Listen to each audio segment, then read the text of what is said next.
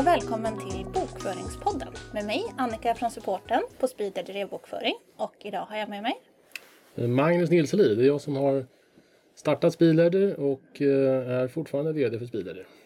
Och vill du berätta lite om dig själv och hur länge du har varit företagare och sådär? Ja, jag har ju startat eh, det börjar bli några år sedan nu. Det var 15-16 år sedan och innan det hade jag ett annat företag som jag startade. Så jag har faktiskt hållit på i ja, 30 år snart och varit företagare. Så att eh, ja, jag har väl sett en och annan eh, affär, en och annan eh, faktura och så vidare under de här åren. Och det passar ju alldeles utmärkt för oss för att idag ska vi prata om blufffakturor. Och det är ju ett ständigt problem för Sveriges företagare. Och det är ju någonting som dyker upp framförallt på sommaren. Och då ökar ju även antalet blufffakturor markant. Och jag har alltid undrat kring varför är det så? Ja, först kan man väl säga att det är ett jädra gissel det här med blufffakturor. Eh, det är ju illvilliga människor som har fått för sig att tjäna pengar på det här. Och det drabbar ju då ärliga människor som kämpar med sina företag. Eh, kanske har jobbigt att få ekonomin att gå ihop och så kommer det andra då som, som får för sig att de ska ta pengar av ärliga företagare genom att skicka felaktiga fakturer till dem. Och anledningen att det händer mycket på sommaren och även andra Eh, vad ska man säga, ledighetsperioder.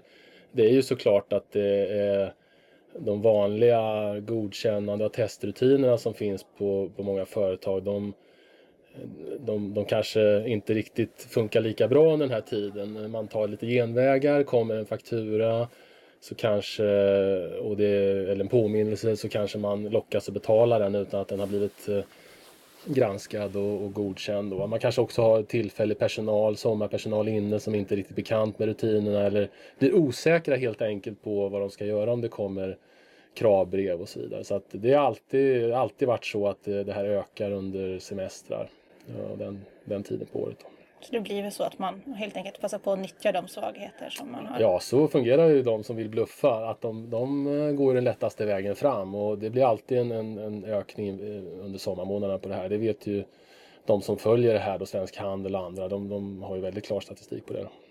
Jag tänker i och med att du har varit företagare så pass länge och har ju hunnit vara med om en hel del. Har du fått någon blufffaktura någon gång? Oj då, jag har fått många genom åren och eh, en del märker man ju direkt att de är blufffakturor. Andra är mer proffsigt gjorda. Eh, så att ja, jag har tagit emot en hel del blufffakturor men eh, ännu inte betalat något av dem ska jag, någon av dem ska jag säga också. Då. Ja men det är ju en fördel för jag tänker man hör ju ofta det här med att folk har betalat de här fakturorna. Mm. Och, och, varför gör man det tänker jag? För att om man vet att det är ett bolag som inte finns så borde man väl bara kunna skippa och betala fakturan. Ja, alltså för, det kan ju vara olika skäl till att man eh, betalar. Det, det, första kan ju vara att man inte märker att det är en bluff. Eh, att det är en faktura som är så skickligt gjord så att, eh, så att man inte vet att det är en bluff. Eh, och det, det, är ju det är illa. En annan anledning att man betalar det är att man kanske man är rädd för konsekvenserna. Man vet att det är en bluff men man vill inte ha inkassokrav. Man vill inte att det ska synas i kreditupplysningsregistret att man har fått ett inkasso eller betalning, ansökan om betalningsföreläggande och så vidare. Så, kan, så lockas man att betala ändå. Man kanske tror att man kan få tillbaka pengarna eller också tar man helt enkelt smällen. Man tycker att det, det inte, alternativet är sämre. Och det, det, här tycker jag är lite sorgligt faktiskt. För de flesta känner inte till riktigt hur, hur enkelt det är att slippa betala. Det är ju egentligen bara att bestrida fakturan. Så är man inte längre betalningsskyldig. Förutsatt att man har ett ett skäl att göra det naturligtvis. Då. Så att man kan väl tänka lite grann, tänker jag, att många betalar bara för att de känner sig som förlorare hur man än gör. Ja, det tror jag definitivt. Eh, det kan som sagt vara olika anledningar men, men eh, jag tror att många känner sig pressade när det kommer inkassobrev eller kanske någonting från Kronofogden. Det är väldigt mytomspunnet. Kommer det brev från Kronofogden, där vill man inte vara. Då kanske man väljer det enklaste sättet att bli av med problemet, nämligen att, att betala. Men jag för min del så har jag aldrig gjort så, även om det har varit eh, ett litet belopp på en, en faktura. Om jag är säker på att jag inte är betalningsskyldig eller om jag har goda skäl att tro att jag inte är betalningsskyldig, då ska man inte betala en faktura. Men man ska också komma ihåg att man kan inte bestrida en faktura bara för att man inte känner för att betala. Eller för att man inte har pengar på kontot. Det är inte de fallen man kan bestrida. Utan bestrider när man vet att man är inte betalningsskyldig eller när man har goda skäl att anta att man inte är betalningsskyldig. Och då räcker det med ett enkelt bestridande eh, med en väldigt kort beskrivning av varför. Till exempel, jag har inte fått några varor, jag har inte fått någon tjänst, jag har inte beställt. Det kan vara några enstaka ord, men man måste ange någon kort anledning till det. Och då försvinner hela problemet. Eh, det finns ingen av de här bolagen som egentligen, eller ingen ska jag inte säga, men i de allra flesta fall så går de inte vidare om, man har få, om de har fått ett tydligt bestridande för de kommer ingenstans med en sån grej. Utan de tjänar pengar på alla de som är osäkra och inte bestrider ordentligt. Och en sak är också viktigt, det är att man bestrider skriftligen då. Uh, inte, det är också ett, som jag tycker lite synd att folk kastar sig på telefonen och försöker hitta ett telefonnummer till fakturautställaren eller något sånt där. Men det är ju rent hopplöst för den som har skickat en blufffaktura är ju, går, går inte att nå. Så att det är ingen idé att hålla på med sånt utan man skickar ett mail, ett eh, pappersbrev, ett fax för den som har kvar en faxmaskin någonstans i skrubben. Vad som helst som är skriftligen då så att man har en någon slags dokumentation på att den här dagen så skickade jag det här bestridandet. Det är det enklare att bevisa om det så det går upp ja. någonstans också. Har man bara den dokumentationen, skulle det dyka upp något mer runt det där ärendet så tar man bara fram den dokumentationen och säger att jag bestred det här för tre veckor sedan och här är en kopia på det. Så då är man helt, helt eh, fri från från problemet. Ett jättebra tips. Jag tänker att man förstår ju att det ligger ju någonting i det här att lura till sig pengar på det sättet. Annars skulle det ju inte inträffa. Mm. Men småföretagare, det kan ju inte vara så det jättestor summa som, som det rör sig om. Man tänker att de flesta har ju ganska kanske bra koll på vilka fakturor man ska betala. Men är det verkligen lönsamt att skicka ut blufffakturor?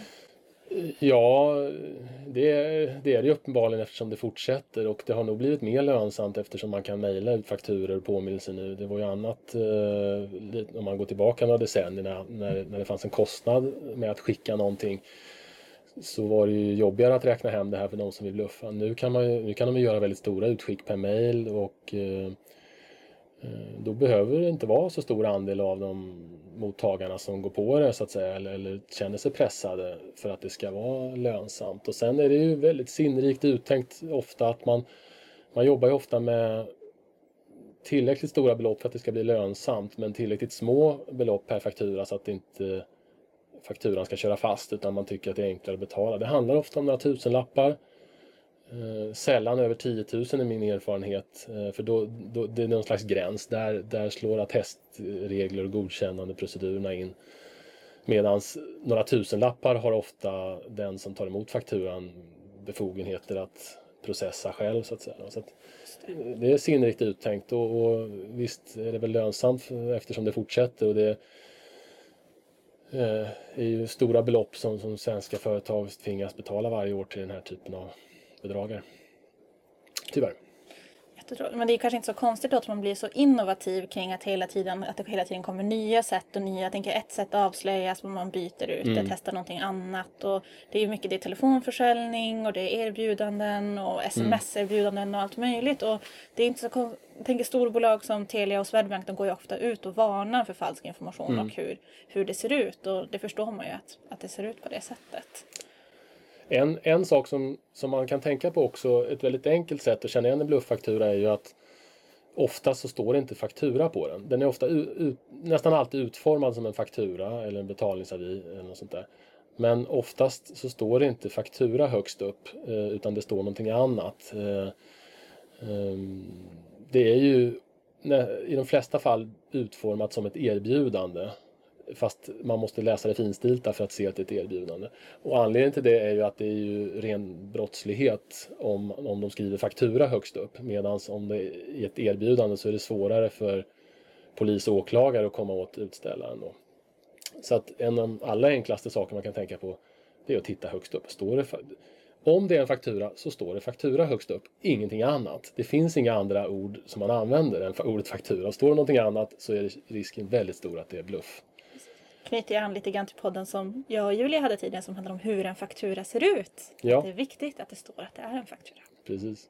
Men om man tänker på det här med som vi sa att det hela tiden kommer nya innovativa sätt och det här med erbjudande fakturer och sådana saker. Hur, mm. hur ser du på det? Och... Eh, ja, dels kan det ju vara vanliga fakturer där man, där man påstår att man har fått en leverans av någonting och så här. Men jag har också sett blufffakturer som ser ut som Skatteverkets skattekonto till exempel. och eh, med väldigt eh, lik logotyp och så vidare. Och eh, det, det kan ju skrämma upp folk för att det, det återigen, det har ju väldigt stor tyngd om man får någonting från Skatteverket där det står att man ska betala någonting. Så att det är ett exempel. Annars så är många blufffakturer, de, kom, de har ju faktiskt att göra med patent och andra immateriella rättigheter. Eller annonser där det är lite svårare att bedöma om man har fått en leverans eller inte. Det är väldigt många blufffakturor som har att göra med att man ska då ha köpt eh, en plats i ett register online eller något annat, andra dumheter. Så att alla, all typ av marknadsföring, databaser, patent. Jag har fått många blufffakturor som ser ut att vara från internationella patentmyndigheter eller, eller ombud. Det är klart, det ökar ju folks, eh, vad ska man säga, benägenhet att betala om det ser officiellt ut från en myndighet, från ett patentverk, från ett skatteverk. Så att det är väl den tendensen som jag har sett, att fakturorna har blivit liksom mer lika officiella offentliga avsändare. Och också det att det ser ut som något som är väldigt viktigt som man inte Exakt. får missa. Och ofta kanske en kort deadline på det. Så det är medvetet också att man inte ska få tid att eh, kolla upp om det är korrekt eller inte. Utan man istället ska lockas och, och ta genvägen att betala och sen kolla upp i efterhand. Men en sak ska man ha klart för sig att om man då betalar den här typen av fakturer så finns det inga chanser att få tillbaka pengarna överhuvudtaget. För att om någon har gjort det i syfte att bluffa så kommer pengarna vara långt borta eh, om någon mot förmodan lyckas liksom dra de här inför rätta då. Tyvärr brukar det vara så att det är ganska långa ledtider så att när ja. det väl har blivit och då, är, då, då finns pengarna någon helt annanstans. En sak som jag tänker också på att om man får någonting från till exempel Skatteverket så har man ju för, antagligen betalat någonting dit innan och då bör den ligga som en betalningsmottagare. Att man kanske ska vara lite uppmärksam om man lägger till en ny betalningsmottagare på någonting som man brukar köpa om man inte vet att de har bytt. Det är jätteviktigt varje gång man slår in ett bankgironummer eller något plusgironummer att man kollar vilken betalningsmottagare som kommer upp. Och här har bankerna lite olika säkerhetsnivå. Vissa banker har att man behöver signera nya mottagare lite grundligare medan andra kan man lägga upp betalningar direkt på nya mottagare. Men oavsett det så får man ju chansen att se vilken mottagarnamn som kommer upp. Och det, precis som när man gör en Swish-betalning, att man kollar först om mottagaren är den som ska ha pengarna. Då. Just Eh, men sen på Svensk Handel så kan man ju, finns det också en app som man kan ladda ner för att skydda sig lite mot det här. Eh, och då får man ju både varningar och tips och kan anmäla om du har blivit utsatt för brott. Och då kan du tipsa om du stöter på ett misstänkt företag. För att om vi alla hjälps åt att samla alla de här bedragarna så är vi ju ett steg närmare till att stoppa dem. Och i den bästa av världar så kan ju vi företagare koncentrera oss på vår verksamhet och känna mindre oro och maktlöshet kring allt sånt här. Och nu har vi pratat lite kring det, men vad är ditt bästa tips för att förebygga det här och vad man ska tänka på? Ja, det är, jag tycker det är jättebra att Svensk Handel har varit på den här, det här problemet och de, de har varit på det länge med, med listor över eh, oseriösa så kallade företag eller bedragare, de som ställer ut blufffakturor. Jag tycker det är jättebra att de också har tagit fram en app och det bästa sättet är ju att vi hjälps åt och ser till så att ingen har framgång i det här och att det inte betalas ut några pengar och, och då försvinner ju den här verksamheten av sig själv till slut. Om alla hjälps åt med det. Så det, det är väl det bästa vi kan göra. Och återigen, är man osäker på om man ska betala en faktura så är det bättre att inte betala den. Och så undersöka saken. Prata med lite folk runt omkring sig. Många gånger om man är osäker så är det en bluff. Eh, det kan man, vara, det kan man nog räkna med. Och sen kanske att man ser över sånt här med rutiner och sådana saker. Jätteviktigt att ha rutiner och ha bestämt sig för vad ska hända med fakturor. Och eh, framförallt under perioder då det är lägre bemanning så att man inte tar genvägar. Eh, det är inte hela världen om en faktura går över förfallodagen om man är osäker. I synnerhet inte under semestertid. Då förstår folk att det inte finns folk på plats som kan attestera och så vidare. Så ta hellre en extra påminnelseavgift eller någonting sånt eh, på en riktig faktura om den skulle visa sig vara riktig än att betala en blufffaktura.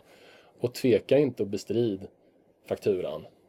Men gör det, ta en penna, skriv jag bestrider på grund av det här och här och så skicka tillbaka den där och ta en kopia på den innan du skickar tillbaka den. Det tar inte många sekunder och då har man verkligen hanterat det på ett uh, säkert sätt.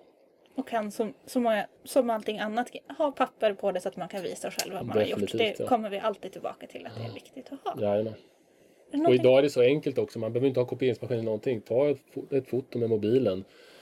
Eh, så har du dokumentation på det. Och skulle det mot förmodan som sagt dyka upp någon eftersläng på det där. Ja, då är det bara att ta fram det fotot igen. Så nu gott om information och tips och saker att tänka på. Eh, jättetrevligt att få prata med dig och få höra dina erfarenheter. Och jag vill tacka så mycket för att du väljer att- medverka i, i podden och passa på att få önska dig en trevlig sommar. Och I nästa avsnitt av Bokföringspodden så kommer Simon vara tillbaka och ta hand om er, för jag kommer vara på semester. Eh, Simon kommer ta med sig en gästpoddare från Bokföringssupporten och exakt vem det blir och vad vi kommer att prata om låter jag vara en överraskning. Eh, Glöm inte att besöka speedleader.se podcast för att lyssna på de tidigare avsnitten och följ oss gärna i er podcast-app. Och är det någonting som ni har missat eller någonting som ni funderar över, glöm inte att du kan mejla till oss på bokföringspodden speedleader.se. Bra, kul att vara här. Det var kul att snacka lite om det här viktiga ämnet tycker jag. Jag också. Och med det säger vi trevlig, Trevlig bokföring. bokföring.